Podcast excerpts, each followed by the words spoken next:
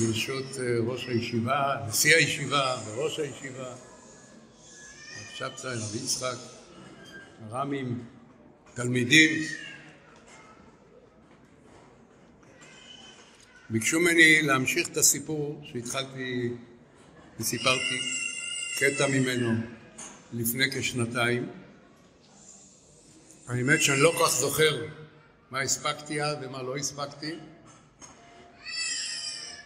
אבל אני אפתח בקטע, תגידו לי אתם אם סיפרתי אותו. בשביל הסדר אני רק אזכיר שאני זכיתי לשמוע את השיחה המכוננת, אם אפשר לומר, של הרב, של הרב צבי יהודה. הייתי חייל, למדתי לפני זה קצת במרכז הרב, שמעתי את השיחה ביום העצמאות של תשכ"ז, זועק איפה חברון שלנו, איפה שכם שלנו, השכחנו, איפה יריחו שלנו. והנה אני חוזר לצבא וזוכה לראות את הפלא הענק תוך יומיים, שבועיים, שלושה, ואנחנו חוזרים לחברון שלנו וליריחו שלנו ולשכם שלנו. והנס עוד מופלא בכמה וכמה קומות. יכול להיות שסיפרתי לכם שלפני ארבע שנים היה בכל הארץ, ציינו חמישים שנה למלחמת ששת הימים. התבקשתי להופיע בפורום לא כך נעים, בית מורשת רבין, תל אביב, באיזה מין מה שקוראים פאנל, ושם למדתי כמה דברים חדשים ממש מצמררים על מלחמת ששת הימים. ראשון הדוברים היה שם פרופסור, לא יודע אם תזכרו את השם, איתמר רבינוביץ', והוא מספר שמלחמת ששת הימים, אתם יודעים, הדמות הערבית שהובילה אז את המלחמה, נשיא מצרים, עבדול נאסר, הוא מספר שם במחקר, והוא הוכיח את זה, היום כבר יש ספרים על זה, הוא בכלל לא רצה לפתוח במלחמה. הוא מוכיח את זה. מי שגרר אותו למלחמה היה הסגן שלו, קראו לו עבדול חכים עמר.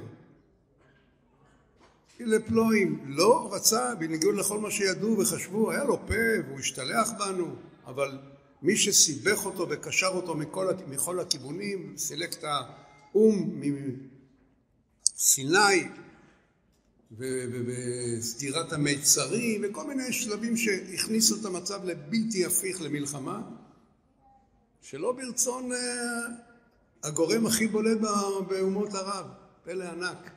לא רק זה, אחר כך הוא סיפר מה שהיה ידוע, איך שחוסיין התלבט, אבל כולנו יודעים היום, משמיים גררו אותו לתוך המלחמה. בצד שלנו, אחריו מדבר באותו פאנל פרופסור בשם שלמה אבינרי, ומספר משהו שחלקית היה ידוע. הגורם מספר אחד הביטחוני הישראלי היה שר הביטחון של אז, משה דיין. היה ידוע שהוא לא רצה לשחרר את רמת הגולן, וביום האחרון למלחמה, לששת הימים, ביום השישי כמעט, אילצו אותו, עלינו על רמת הגולן, שחררנו את רמת הגולן מסוריה.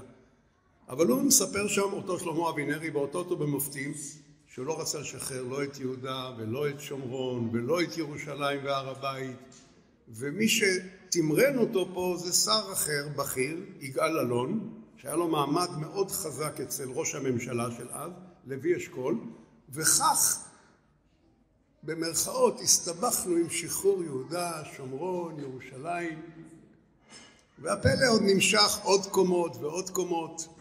אני לא יודע אם סיפרתי לכם את זה, אבל הגיע אחר כך תורי לדבר, והעזתי להגיד לנוכחים שם, אולי יש עוד מישהו שמנצח על העניינים וקובע מה יקרה בעם ישראל. הצבעתי כלפי מעלה ואמרתי, ריבונו של עולם, דן מרידור שם קצת מתנפל עליי, חבר לפאנל, אה, אתם מסירים אחריות מכם, יש לכם תמיד מישהו אחר שהוא אחראי לדברים, וכמעט אמרתי לו בשפה ככה של חצי קללה, כמעט, טמבל, כשיש ריבונו של עולם למעלה זה מחייב עוד הרבה יותר, זה לא משחרר מהאחריות. אה, ואז אני מספר להם מה שלנו קרה.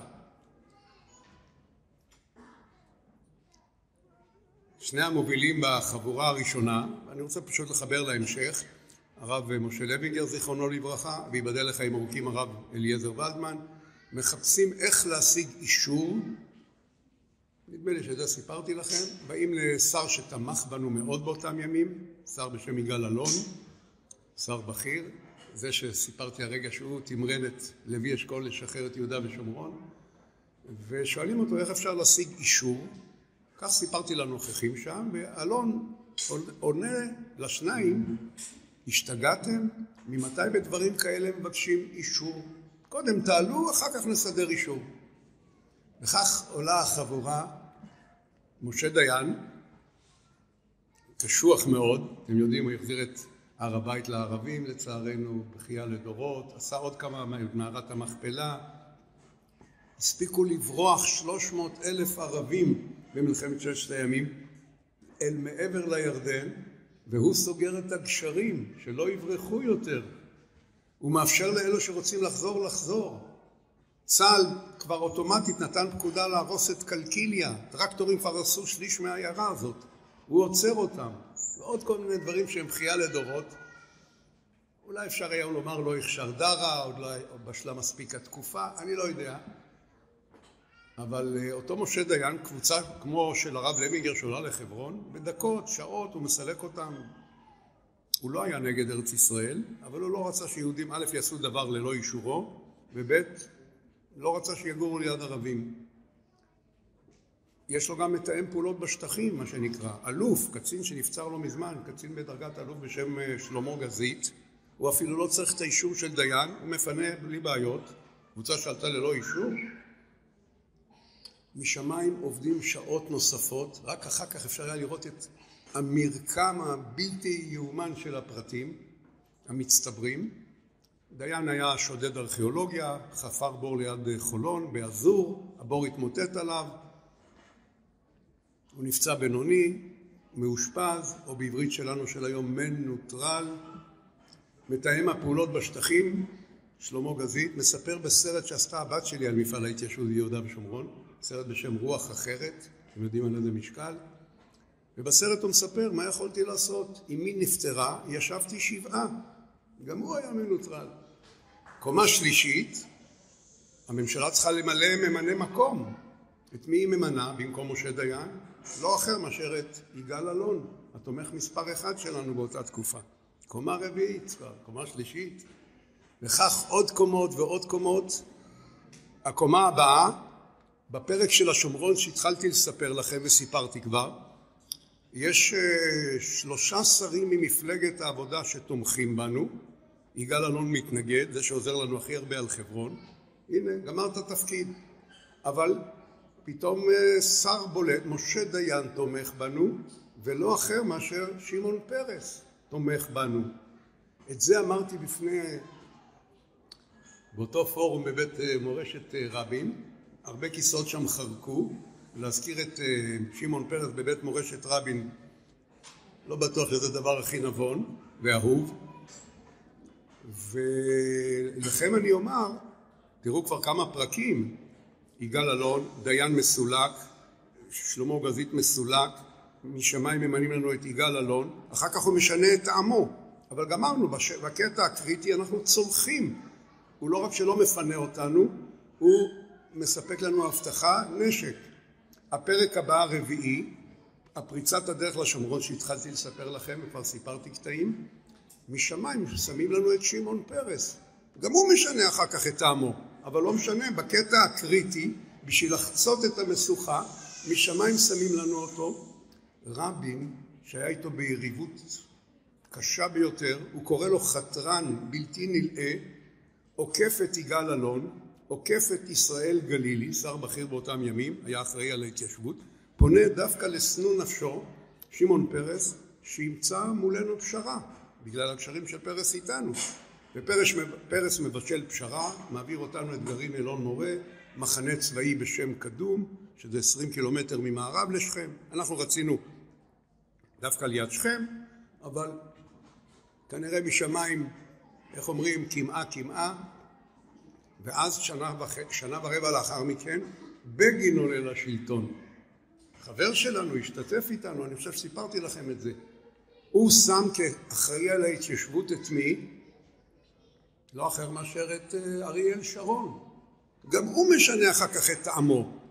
אבל בקטע הקריטי, כשצריך תנופה וצריך מה שנקרא בולדוזריות, הוא, הוא נמצא, הוא על הקטע, הוא על ההגה. ותראו כבר כמה קטעים מניתי פה, איך משמיים, אני חושב שמישהו היה לוקח את הבמאי הכי גאון בעולם, לא היה מגיע לאלפית מהבימוי הזה, הביום הזה, ועוד ועוד ועוד, וסיפרתי לכם איך עברנו צרות, ומכל צרה צומחת ישועה, נתתי כמה דוגמאות בשיחה הקודמת, ועכשיו לקשור את הדברים, אני אולי אחזור, אולי לא, על איזה סיפור שסיפרתי בפרק של חברון, בגלל שחברון הייתה בעצם האבא, עיר האבות של כל המפעל. לכבוד חג שבועות. אני לא יודע אם סיפרתי, אם סיפרתי אז אני אחזור על הסיפור. הגענו, חבורה בראשות הרב לוינגר עלתה למלון פארק, מלון ערבי, במבואות חברון. אה, אחרי שבועיים שלושה הממשלה אישרה הקמת ישיבה בחברון. יגאל אלון אגב עבד שעות נוספות, לא תאמינו. הממשלה יש בה מפלגה, חלק מהקואליציה, מפלגה בשם מפ"ם, זה המ"ם של מרץ של ימינו, והם לא מתנגדים. הם נמנעים מהצבעה. אלון שכנע אותם, מה אכפת לכם? ישיבה זה לא יישוב. מה אכפת לכם לאשר ישיבה? היה שם פרעות בתרפ"ט, קמפוס ישיבת חברון, ומשמיים סוגרים להם את האצבעות, הם לא מצביעים נגד. ההחלטה התקבלה ללא מתנגדים, נמנעים. משה דיין מעביר אותנו מאותו מלון לבניין הממשל הצבאי, שם אנחנו שלוש וחצי שנים, ואז קורה הנס הכי גדול בתקופה ההיא, ממשלת ישראל מאשרת הקמת קריה יהודית בחברון. שלב ראשון בונה 250 יחידות דיור. אתם יודעים היום ש-250 יחידות דיור זה לא דבר קטן. מפלגת העבודה.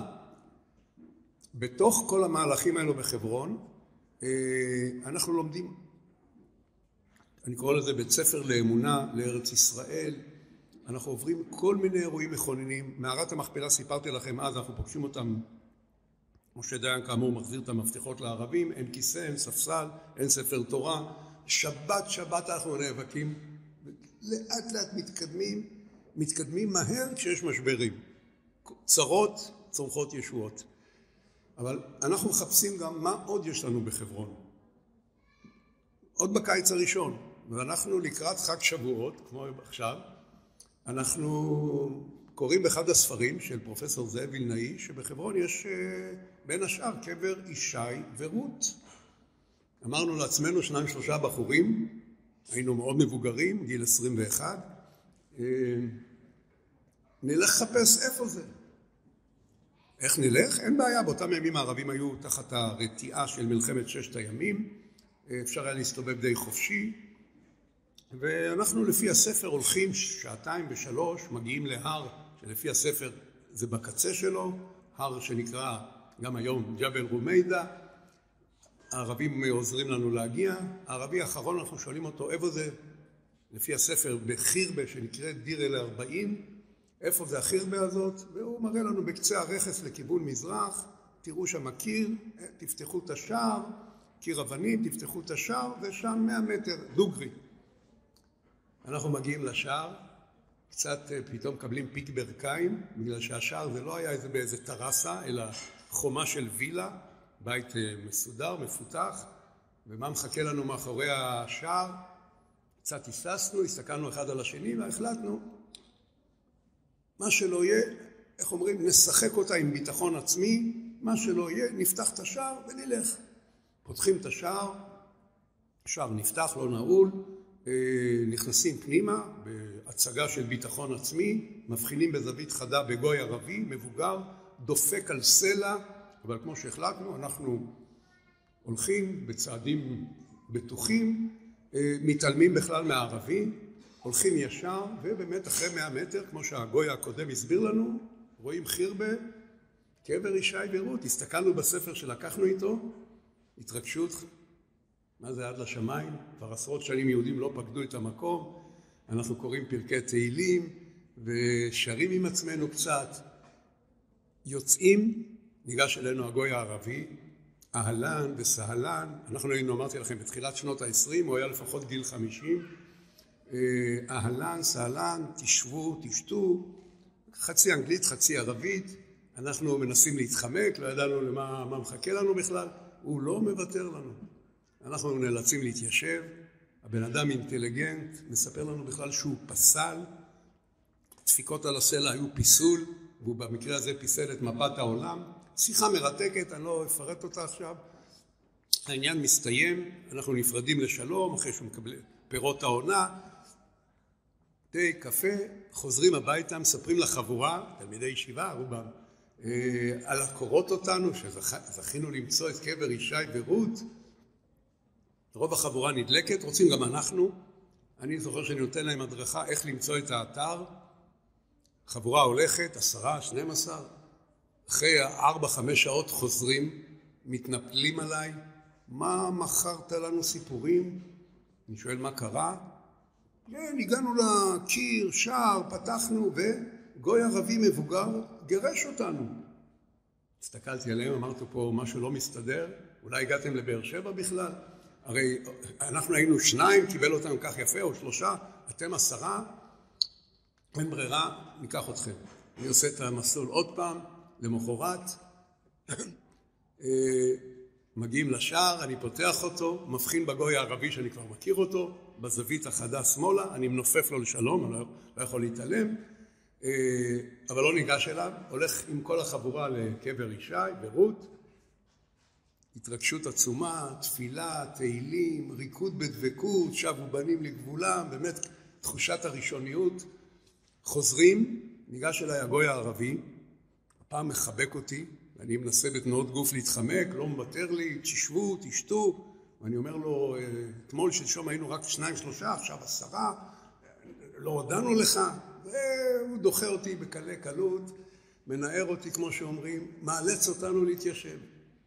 מתברר שהוא ממש אינטליגנט, עוד יותר ממה שחשבנו, מחזיק אותנו בשיחה מאוד מרתקת, להחזיק שיחה עם עשרה, שנים עשר איש זה לא פשוט, ממש שיחה מרתקת, ואיזה משרת מביא כבודה שלמה, התחילו כבר פירות הקיץ, וכל מיני, אם אני זוכר, ועוד פעם תה ועוד פעם קפה.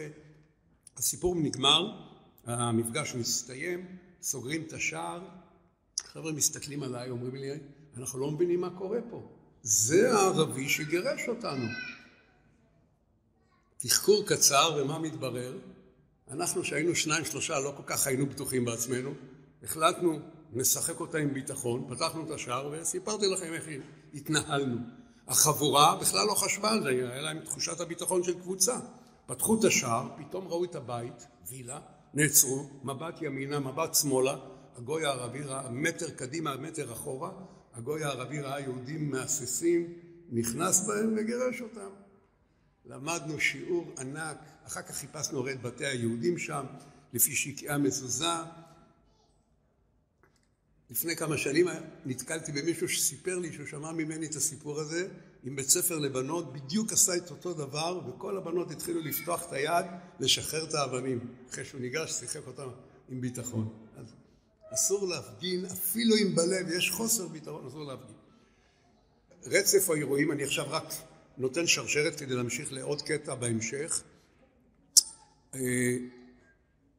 אנחנו מקימים, את, מחכים שש שנים שמשהו יקרה עם השומרון, שומרון לצורך העניין מירושלים עד עפולה, אין אפילו יהודי אחד.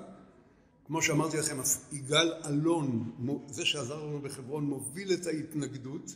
הממשלה באופן בלתי רשמי מאמצת את התוכנית שלו, המדינית, קוראים לזה אחר כך בהמשך תוכנית אלון, זאת אומרת שהשומרון יישאר ריק מיהודים, למעט תיקוני גבול, הוא אומר, במזרח, בקעת הירדן, תיקוני גבול במערב, כל מרחב שומרון עתיד להימסר לידי הירדנים, אם יואילו להיכנס איתנו למשא ומתן. אנחנו אה, מחכים שמשהו יקרה עם השומרון, שש שנים לא קורה כלום, איך כתוב בשיר, אף אחד לא קם, ויום אחד התחילו כנסים ודיבורים ומחאות, אבל לא קורה כלום, וחורף אחד בשנת ל"ג, 73, שנה שלפני מלחמת יום, כיפ... יום כיפור. כבר למדנו בישיבה, גמרנו את ענייני הציבור, חברותא שלי ואני, הרב מנחם פליקס, הם מחליטים, אין ברירה, אנחנו חייבים לקחת את משימת פריצת הדרך לשומרון על עצמנו. תמיד אני מרגיש חובה להסביר מה פתאום אנחנו, לא גדולי הדור ולא, קטנ... ולא כלום, אבל עשינו הערכת מצב שמי שלא עבר את הבית ספר, שקצת הזכרתי לאמונה, לארץ ישראל, שעברנו בחברון, להקים יישוב מכלום, יש מאין ממש, מי שלא עבר את זה, כנראה לא יהיה לו את עוז הרוח להתמודד עם משימה שכזו. וכך החלטנו עוד באותו יום להקים גרעין, קבוצת משפחות, גם בנים, בנות, נתנו לקבוצה בהמשך את השם אילון מורה. חיפשנו תמיכה, סיפרתי לכם איך של פגישה עם גנדי ועם שרון, רתמנו את שרון כאלוף פיקוד עדיין, בפרישה כבר, אה, גאולה כהן, זבולון עמר. אחרי המלחמה, אחרי מלחמת יום כיפור, אנחנו מחליטים לפתוח פיזית במאבק, בגלל שהתחילו כבר הסדרי ביניים, ישראל לקחה שטח סמלי בסיני, מסרה למצרים, עוד שטח סמלי בגולן לסורים, עיירה קונטרה, החלטנו אין ברירה, חייבים לפתוח במאבק. זאת אומרת, מה זה מאבק? לעלות על הקרקע, גם ללא אישור. אנחנו אומרים לעצמנו, בטח יפנו אותנו, אין דבר, נעלה עוד פעם. יפנו עוד פעם, נעלה עוד פעם. ולאן נלך? לרשותנו, סיפרתי לכם כבר, מורה דרך הכי טוב בארץ, אריאל שרון, רכב שלו, סדרת ציורים, מציע לנו את מה שהיום חתמר שומרון. אז בת שלוש, מחנה חורון, אנחנו הולכים גם לשאול, להתייעץ עם הרעיון הזה של עלייה ללא אישור, רעיון נכון, חושך בעיניים, כל מי שאנחנו מתייעצים נגד, הרב לוינגר נגד, חנן פורק נגד, תנועה למען ארץ ישראל השלמה נגד, ראש האופוזיציה מנחם בגין נגד, הרב הראשי לישראל שעזר לנו מאוד מאוד הרב שלמה גורן נגד, וזה דוחף אותנו ללכת לשאול את הרב, הרב שלנו זה הרב צבי יהודה קוק, סיפרתי לכם שפעמיים הוא אומר לנו לא, ואנחנו הולכים אליו גם פעם שלישית, והוא מנש... בסוף מנשק אותנו, מחבק אותנו, עובר אחד אחד, לוחץ את היד, תצאו לדרך, אני מברך אתכם בברכת כהן, שתצאו ותצליחו. וכך אנחנו מתחילים את המערכה על השומרון, חודש סיוון, של, הבא עלינו לטובה, של תשל"ד, אנחנו מתחילים את המערכה עצמה, עולים על הקרקע ללא אישור. בסיפור נוסף הרב צבי יהודה גם מחליט להשתתף איתנו, לא רק בירך אותנו, בגלל שפרס מסרב לתת אישור. זה קורה בדיוק בשבוע שוועדת חקירה של יום כיפור גורמת לגולדה מאיר כראש ממשלה להתפטר, גם שר הביטחון שלה שהזכרתי כמה פעמים, משה דיין, ובאותו שבוע י"ג בסיוון, י"ב בסיוון וי"ג עבר, של תשל"ד, יוני 74, מתמנים במקום השניים הללו אישים שאתם יותר מכירים, יצחק רבין כראש ממשלה ותומך שלנו שמעון פרס כשר ביטחון. אנחנו עולים, הרב מצ... לפני זה מנסה להשיג אישור מפרס, לא מקבל, וזה מה שמביא אותו להודיע לפרס שאם ככה הוא איתנו מחר על הקרקע. אנחנו עולים, סיפרתי לכם שהיו כמה אירועים ממש מכוננים, הרב עצמו משתתף איתנו פיזית במאבק, גם נגד עקירת הגדרות, החיילים קיבלו הוראה. אנחנו עולים עם כל מה שנחוץ, שאם ישאירו אותנו נוכל לשרוד ולהחזיק מעמד. גדרות, שתילים, גננת, מגלשה, צעצועים לילדים, עלינו עם הילדים הקטנים שלנו. חלק כבר היו שניים ושלושה וארבעה ילדים, עלינו איתם. אה, הכל הכל שאם, אל תשאלו איך אנחנו משיגים כסף, מי מכיר אותנו בכלל, אבל משמיים סייעתא דשמיא בלתי רגילה ואנחנו מצליחים להשיג מה שדרוש, השטח סגור ומסוגר, אנחנו מצליחים לעקוף אותו, בגללנו אגב הוא סגור, זה סתם אה, שווה לשיקול דעת גם בהמשך. הרב לוינגר לוחץ עלינו, אל תנתבו את המצב כראש בראש נגד הממשלה. מה זאת אומרת? אם אתם תעלו, הממשלה תפרש את זה שזה נגדה, לא בעד ארץ ישראל אלא נגדה. איך תנטרלו את זה? תודיעו לממשלה מראש. אנחנו אומרים לו, מה, נודיע לממשלה מראש? יסגרו לנו את כל השטח. תתגברו, הוא אומר לנו. ואנחנו מודיעים לממשלה מראש, אכן פרס נאלץ לשים מחסומים, אבל התגברנו ועקפנו את זה. זה מביא את התקשורת להאשים את פרס כמשת"פ של המתנחלים. אני לא מספר את זה בשביל הצחוק. אחרי שמפנים אותנו, בסופו של יום שלם, התחלתי להגיד לכם, הרב משתתף במאבק עצמו, אמרתי לכם, הרב לעת ערב גם פותח את המעיל מול החיילים, מהדהד, זועק לעברם, תראו בי, על ארץ ישראל נמסור את הנפש, לא נזוז מפה. אתם יכולים להוציא את מכונות העירייה שלכם. המינוח המיושן שהוא השתמש ככה נחרט מאוד בתודעה. במקרה השבת, אתמול, הייתי באיתמר, התארח שם איזה בחור שהיה איתנו בכל המהלך הזה, הוא מזכיר לי עוד פעם את מכונות העירייה שהרב אמר, הוא מזכיר לי עוד דבר ששכחתי, הרב אומר לאלוף הפיקוד, תוריד את הדרגות שלך אם אתה צריך לבצע, לפני שאתה מבצע פקודה כזאת, לעקור יהודים מארץ ישראל. מפנים אותנו, שמים אותנו, סיפרתי לכם, במגרש הרוסים, אבל אז, אחרי שמשחררים אותנו, קורא לנו שרון, מראה לנו את העיתונים, מאשימים את פרס כמשת"פ של המתנחלים. הכל משמיים. מה זה אומר? שהוא יילחץ, אומר לנו שרון, הוא יסגור לכם את אזור שכם הרמטית, מוכרחים מקום אחר.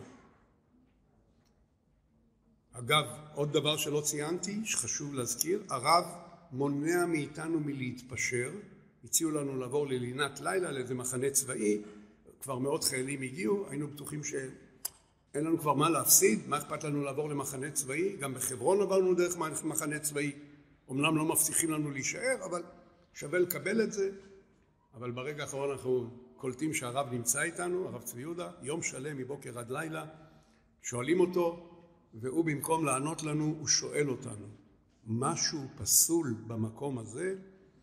ואנחנו אומרים לו, הרב, זה ארבע דונם, צריך ארבע מאות דונם ליישוב, והוא חוזר על זה שלוש פעמים, עושה לנו עם היד ככה, שלא ענינו לו לעניין, ובסוף כשאנחנו אומרים לו, לא, הרב, שום דבר לא פסול במקום הזה, הוא אומר לנו, אם כך, ההצעה שלהם פסולה ובשום פנים אסור לקבל אותה.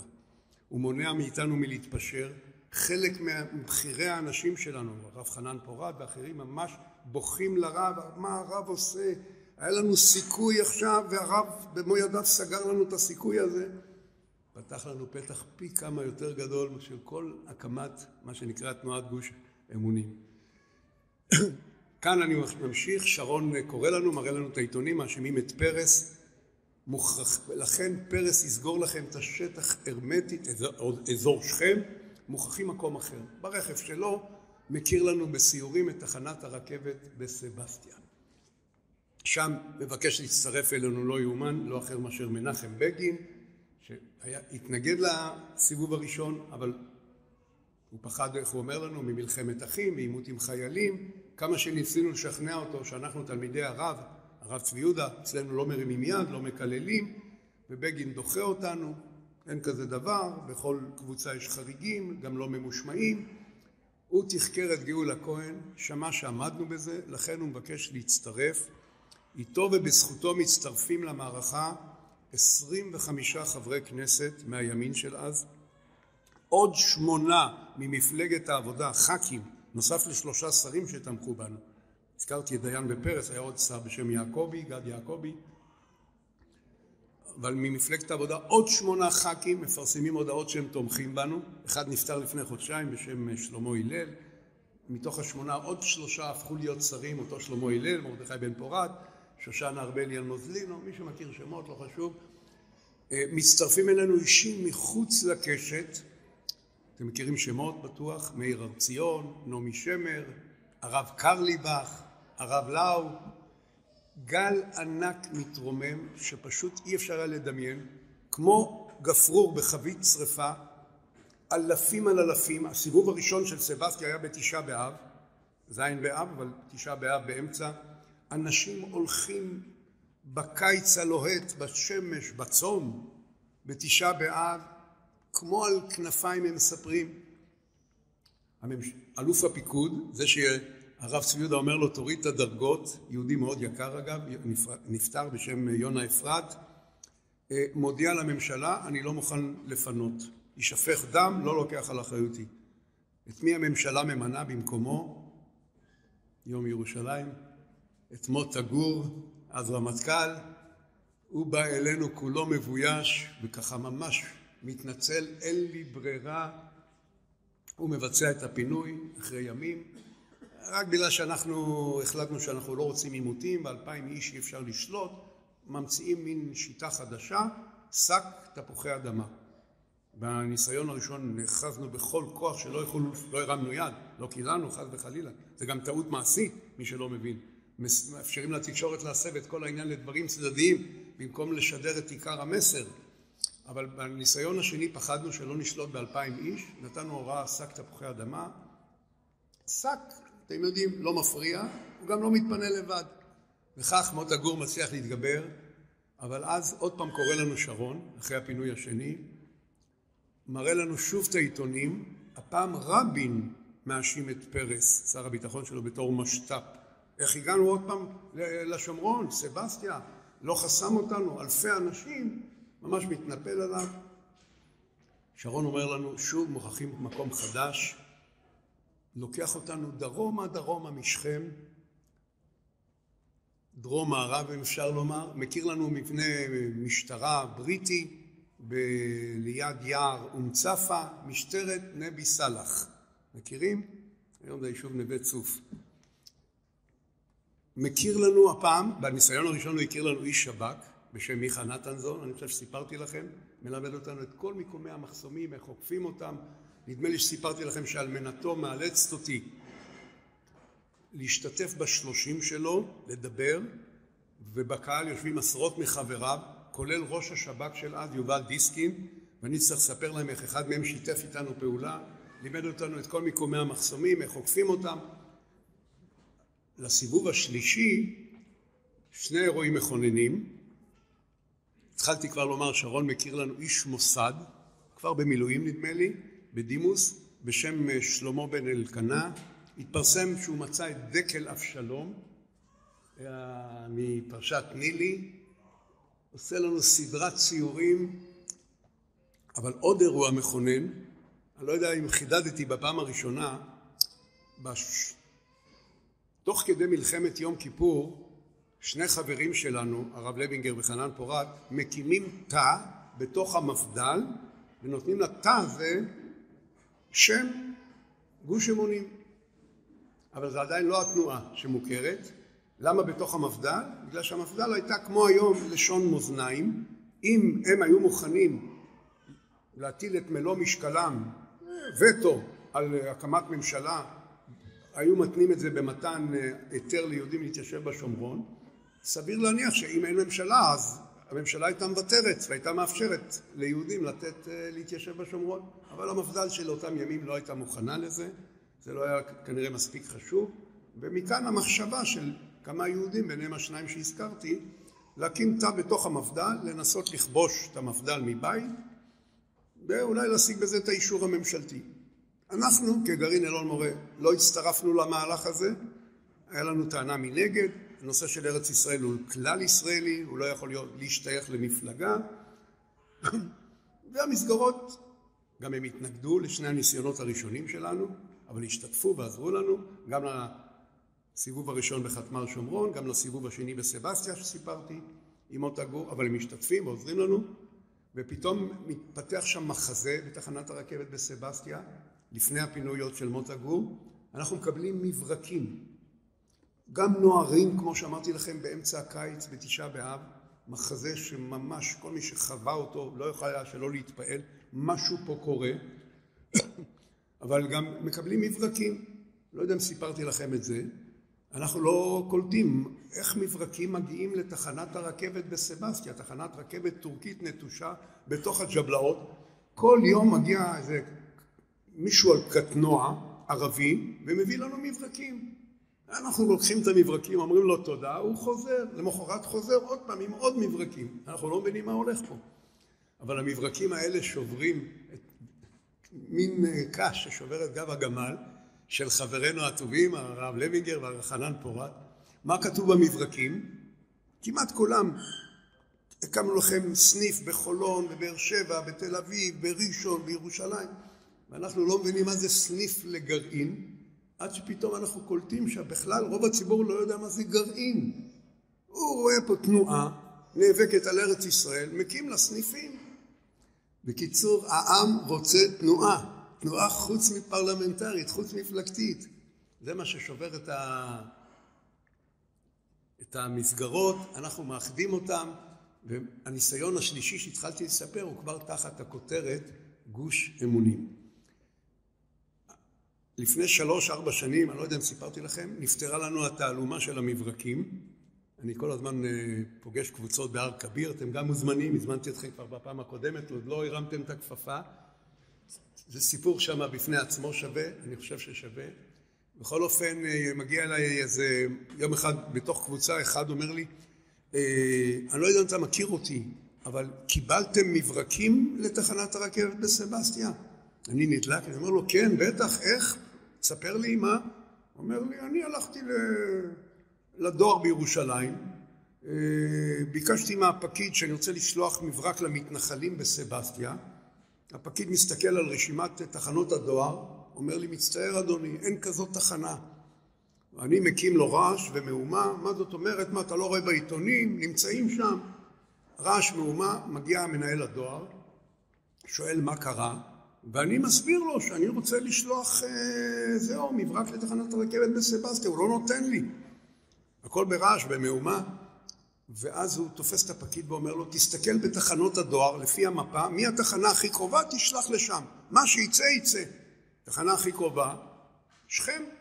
הוא שולח לשכם, ותחנת שכם שולחת כל יום ערבים כתנועה, מביא לנו את המברקים. זה מקים את גוש אמונים, הקש ששבר את גב הגמל. הכל פלאים, פשוט לא יאומן, זה תורם להתלהבות.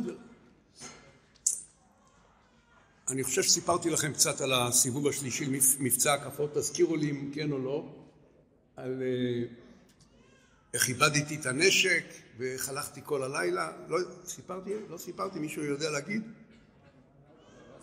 טוב, אז הניסיון השלישי, כבר הפעם תחת גוש אמונים, קם כבר עוד גרעין, לאן? ליריחו. אנחנו מחליטים לכן לעלות בשני ראשים, את אלון מורה לנווה צוף של היום, משטרת נבי סאלח, וגרעין ליריחו.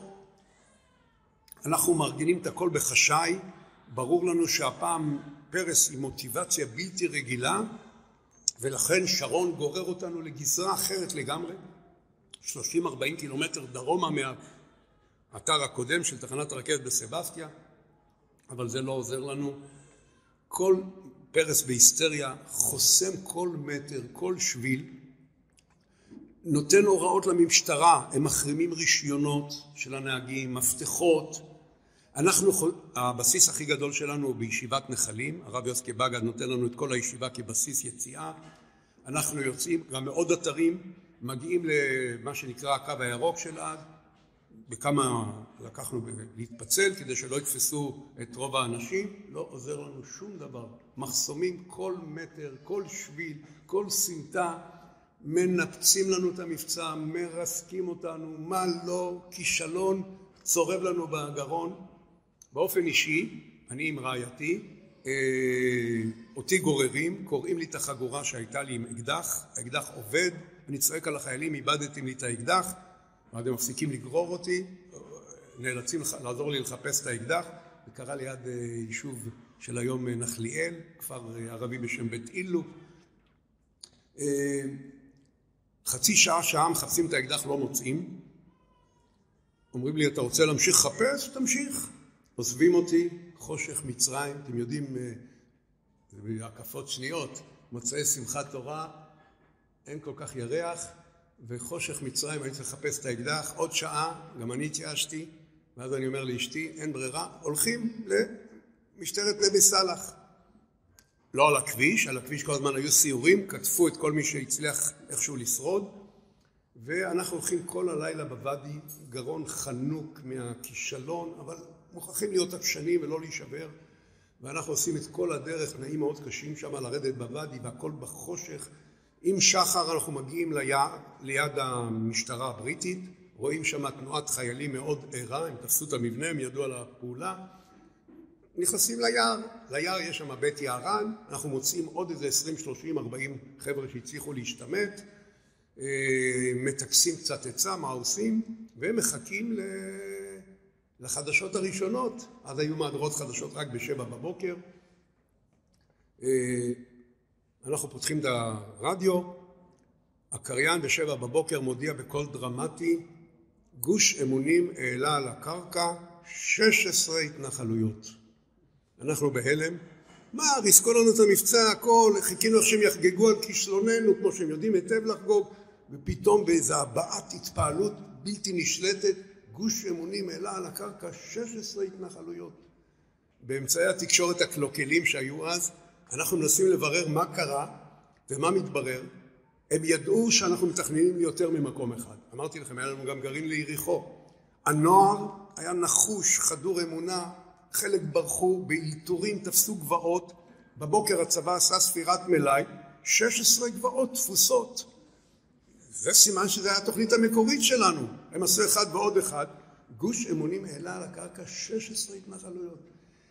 אנחנו, התלהבות עצומה בעורף, מקימים לנו מפות, מטות עורפיים, דוחפים תגבורת, לא יודע איך יצרו קשר עם כל האתרים.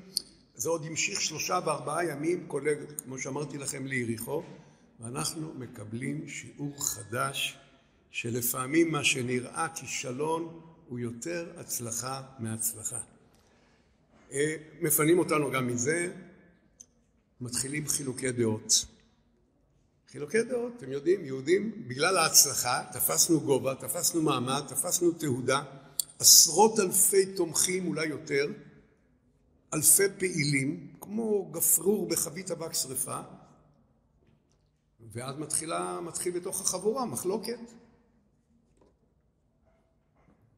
מה עושים? אנחנו כאלון מורה, היותר דומיננטיים והיותר אה, מיליטנטיים גם, רוצים להמשיך את המערכה במלוא העוצמה שלה. תפסנו גובה, צריך לעלות עם היקף עוד יותר גדול. מנגד, החברים האחרים חושבים אולי העוצמה שנצברה, צריך אה, לממש אותה בחזית הפרלמנטרית והפוליטית. אולי אפשר להשיג אישור עכשיו בלי להמשיך את המערכה. כל פעם שאנחנו מצליחים להעביר החלטה על עלייה נוספת גדולה, זה מטורפד, הופך למשהו אחר, לעצרת, לצעדה.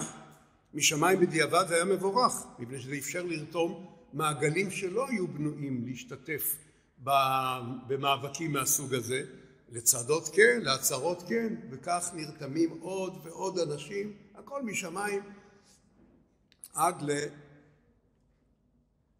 לחג החנוכה של תשל"ו, שנתיים של מאבק, שמונה פעמים אנחנו עולים, אנחנו ממשיכים כפשרה את עליות של, בהיקף של הגרעין בלבד, עולים פעם ופעמיים, מפונים עוד פעמיים, עושים גם פלוגת עבודה, מתחפשים לאזרחים עובדי צה"ל, נרשמנו, נותנים לנו לחפור את בור הביוב של חתמר שומרון, מה לא עושים למען ארץ ישראל? קמים לאט לאט, תוך כדי שמונת, שמונה הניסיונות הללו, 12 גרעינים נוספים, כולל לא רק הגרעין ליריחו שהספרתי, אחד מהגרעינים אפילו מצליח לעלות על הקרקע, לא רחוק מפה, עופרה, בניצוחו של שמעון פרס, והשלד של כל מה שקורה היום בעצם קם באותם שנתיים של מאבק. פעם השמינית קורה אירוע בקנה מידה עולמי, לא יפתיע אתכם, האו"ם מקבל החלטה שהציונות היא תנועה גזענית. רעש מהומה, רבין מכנס את כל מיני מנהיגי יהדות העולם, כינוס חירום בירושלים, כולם תולים דגלים בראשית החורף, לא יום העצמאות, לא יום ירושלים, דגלים פתאום בכל הארץ נפרסים במין מסר פטריוטי, סטיקרים על כל המכוניות, אני פטריוט, וכאמור רבין מכנס את כל מנהיגי יהדות העולם לכינוס חירום לחג החנוכה של תשל"ו ואנחנו אלון מורה, גוש אמונים, מחליטים, זה העיתוי לחדש את העליות ההמוניות, תשובה לעולם על האנטישמיות, על הציונות תנועה גזענית. וכך אנחנו עולים בחג החנוכה של תשל"ו, מחליטים שהפעם לא נתחמק ונעקוף מחסומים, נלך ברגל, איך כתוב? ביד רמה. אנחנו יוצאים עם שני טורים מירושלים, אבל בעיקר הטור מנתניה, בתלית, אה, מחסומים בקושי, לא יודע למה, פרס, שר ביטחון, אה, אנחנו נתקעים לעת ערב באמצע הדרך, מחליטים ללון לפני תחנת הרכבת בסבסטיה למין תחנת ביניים, אנחנו עוזבים את הכביש הראשי, אני זוכר איך שהקצין שהתלווה אלינו כדי להבטיח אותנו, לאבטח אותנו, מושל טול כרם, צועק עליי, מה אתם עוזבים את הציר, איך אני אוכל לשלום, להגן עליכם? ואני אומר לו ככה קצת בצחוק, אני לא זוכר שהמבצע הזה היה מתואם עם צה"ל. ואנחנו עוזבים את הציר, עולים צפונה, חצי קילומטר מהכביש, הוא לא יכול, אנחנו רגליים, הוא לא יכול להצטרף אלינו, רכב. החבורה, אלף, אלף, לפחות אלף היו שם בגוש הזה, נזכרים שזה חג החנוכה, אנשים היו מאורגנים, מצוידים, שולפים את נרות החנוכה, לילה כבר, פתאום מתחיל לרדת גשם, נשלפים גם ניילונים שמכסים אותנו, בתוך הניילונים מודלקים הנרות, נר שני של חנוכה, רובם היו מהדרים, הביאו גם שמש, תעשו חשבון, אלפי נרות פתאום נדלקים בעמק הזה, עוד אה, האורות מתנפצים ומוק... מול הטיפות גשם ומרצדים ומקרינים ומה לא, מחזה בלתי רגיל של אלפי נרות.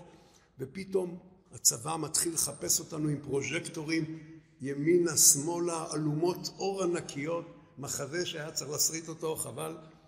עם בוקר אנחנו נכנסים לתחנת הרכבת בסבסטיה, תחושה שהפעם זה ילך, הפעם זה יצליח. שרון כל הזמן איתנו, אנחנו מספרים לשרון שהפעם לא יהיה לא שק ולא תפוחי אדמה, מה שאמרתי לכם. הוא מספר את זה ליצחק רבין, באותם ימים שוב משמיים, שרון, איש שמקים את הליכוד באותם ימים, הופך להיות עוזר ראש הממשלה לענייני טרור, הם היו חברים עוד מהפלמ"ח, והוא לוחש, הוא מספר לנו, לחשתי לרבין באוזן שהפעם יהיה לא שק, לא תפוחי אדמה, תצטרך לשפוך דם בשביל לפנות אותם, והוא מספר לנו איך רבין מחליף צבעים, זה עוד יותר שובר אותו והוא פונה לשמעון פרס, תנסה לגמור איתם, אם תצליח לפנות אותם מה טוב, אם לא, יש לך יד חופשית להתפשר. פרס מגיע אלינו, נותן פקודה, בניגוד לכל מה שחשבנו, להתפנות, הרב לוינגר יוצא להמונים, זועק, תקראו את הבגדים, אנחנו אבלים, נתנו לנו פקודה להתפנות, בשום פנים לא נתפנה. הרב, אגב, הרב משה צבי נריה, הוא החזיק לנו את האנשים בשיעור, במגפון שהיה. אה, אנחנו אומרים לאנשים, מיד רוח, רעש, אימים, שריקות, פרס מחליף צבעים, אני מנסה להרגיע אותו, אף אחד פה לא יפגע בך. אה, יש לנו את הרב נריה שהוא אה, מתחזק את האנשים ועוד אנשים, אבל פרס, מה זה מחליף צבעים, ירוק, שחור, לבן, כחול, בורח להליקופטר, אווירה של משבר, אבל אחרי, וממריא, אבל אחרי שעתיים אנחנו מקבלים טלפון, פרס רוצה להמשיך את השיחה במקום יותר נינוח בלשכתו בתל אביב.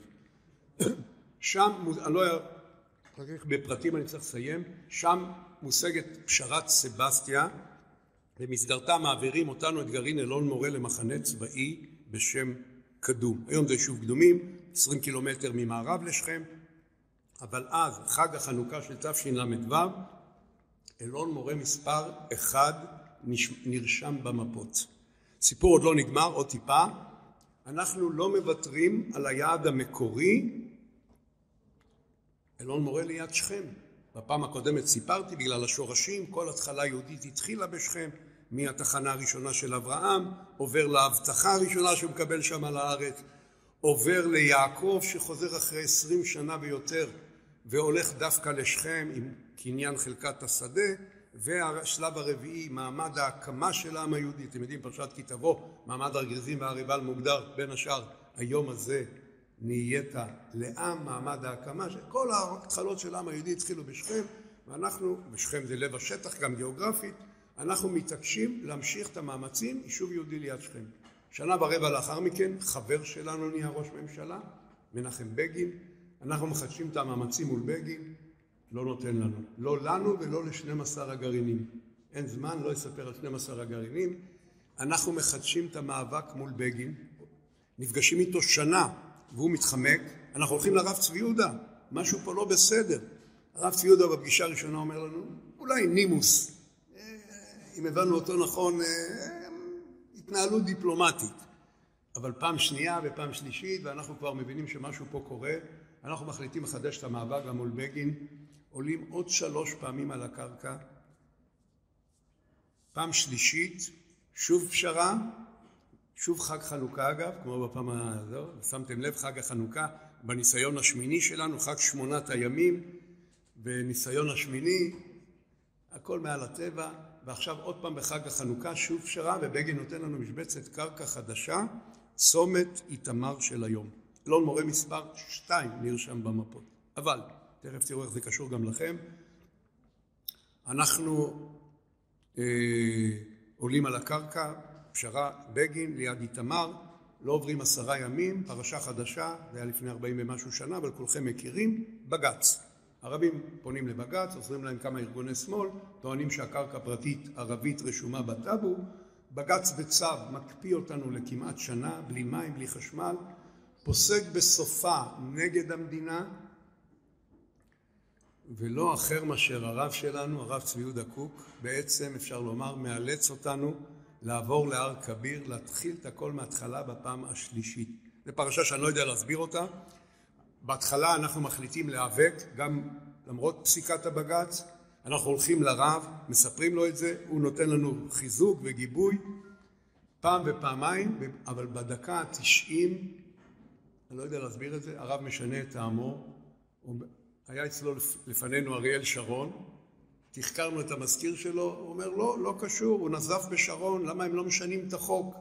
אבל אני חושב שלמרות זה הוא הבין משרון שאין ברירה, הרב בכל אופן אומר לנו, אנחנו לא פוגעים באדמות של אחמד ומוסטפא.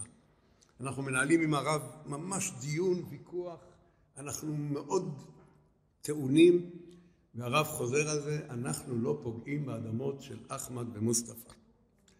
בעברית פשוטה, מוציא לנו את הרוח מהמפרשים של המע... להמשיך את המאבק, ואנחנו, אין ברירה, עוברים להר כביר, מתחילים את הכל מההתחלה בפעם השלישית. אלון מורה מספר שלוש נרשם במפות. אבל כל מה שסיפרתי כלום לעומת מה שקורה בעקבות הבג"ץ. בתקשורת חוגגים עד לשמיים, הם לועגים לנו, באותם ימים חנן פורת עם אורי אליצור, שניהם זיכרונם לברכה, יוצאים עם תוכנית ענקית, תוכנית יש, על כל יהודה ושומרון, מאות אלפי יהודים בתוכנית, מאות יישובים, והתקשורת לועגת, אתם הזויים, משיחיים, סרורים, איך תגיעו למאות אלפי יהודים אם אין לכם יותר קרקע? המשמעות המשפטית של אותו בג"ץ הייתה אין יותר קרקעות להתיישבות יהודים. הם עושים לנו מאזן, אתם רק עשרים אלף, שזה הרבה מאוד לאותה תקופה. אבל זה כלום לעומת המאות אלפים. כאן קורה לנו הנס הכי גדול, אני חושב. יש שביתות רעב, רעש מהומה, הרבה יותר ממה שהיה עם עמונה. יוצא לדרך כל סיפור אדמות המדינה. זה סעיף בחוק הירדני שלא השתמשו בו, לא אפרט עכשיו. נאלצים להשתמש בו, לאמץ אותו, להשתמש בו, מחפשים אדמות שמתאימים לחוק הירדני. מיליון דונם קרקע יוצא לנו מאותו בג"ץ שהמשמעות שלו, כמו שאמרתי, שאין יותר קרקעות להתיישבות יהודים. מיליון דונם, מי שלא יודע, יהודה ושומרון זה קרוב לשישה מיליון דונם, זה אומר חמישה עשר אחוז מהשטח. בעברית אחרת זה שטח שאפשר ליישב עליו שלושה וארבעה מיליון יהודים. נס ענק. היום בשמאל במנהל האזרחי עובדים שעות נוספות לכרסם את זה, אבל לא ניכנס לזה עכשיו. אני אעשה לכם מאזן למה שסיפרתי, מה יצא מהמפעל הזה. התחלתי את הסיפור של אלון מורה כשהיו רק אלף יהודים ביהודה, בארבעה יישובים, בשומרון מירושלים עד עפולה אפס, היום ביחד יש כחצי מיליון יהודים, מתוך החצי מיליון יהודים למעלה ממאה אלף מחוץ לכל מפת גושים שמישהו מצייר או מדבר, מארבעה יישובים שהיו למעלה ממאה חמישים 150 יישובים כיישובים, עוד כמאה מאחזים, אם למדתם חשבון כבר לא רחוק מהיש של חנן פורת. כל היישובים כמעט שמוקמים מאז להיום בזכות אותו בג"ץ אדמות מדינה, כולל אה, מצפה יריחו. אבל הכי מעניין למאזן, מה ש... אתם תראו, היה אומר לנו, ואני חוזר על זה הרבה פעמים, אולי סיימתי בזה גם את הפעם האחרונה הקודמת, אתם תראו, היה אומר לנו, מי שיונק מחובר למעיין היהודי, לזהות היהודית שלו, לא רק שלא יתייבש לו שום דבר, ברמז הווה מה שאבא שלו כבר אמר, מעיין שלכם יבש, אלא שהכל אומר לנו, יפרח לכם ודווקא מארץ ישראל. הסתכלנו עליו, לא כך הבנו, האמנו אבל לא הבנו. באותם ימים, ב-73, ל"ג, יש בסך הכל בכל המדינה חמש עד שש מוסדות גבוהים בציונות הדתית, ישיבות הסדר וישיבות גבוהות. היום למעלה מ-130, פריחה ענקית, כולל שאנחנו עכשיו נמצאים, פריחה שאף אחד לא יכול לחלום עליה. כל תעצומות הנפש פתאום זורמות ומביאות לאלף ואחד דברים. גרעינים תורניים, כמה היו אז ב-73? אפס, היום למעלה ממאה. מכינות קדם צבאיות, שמעתם כמה יש ב-73? כנ"ל אפס, היום עשרות. חדירה לתקשורת, למוזיקה, לתיאטרון, מה לא פורח לנו מארץ ישראל?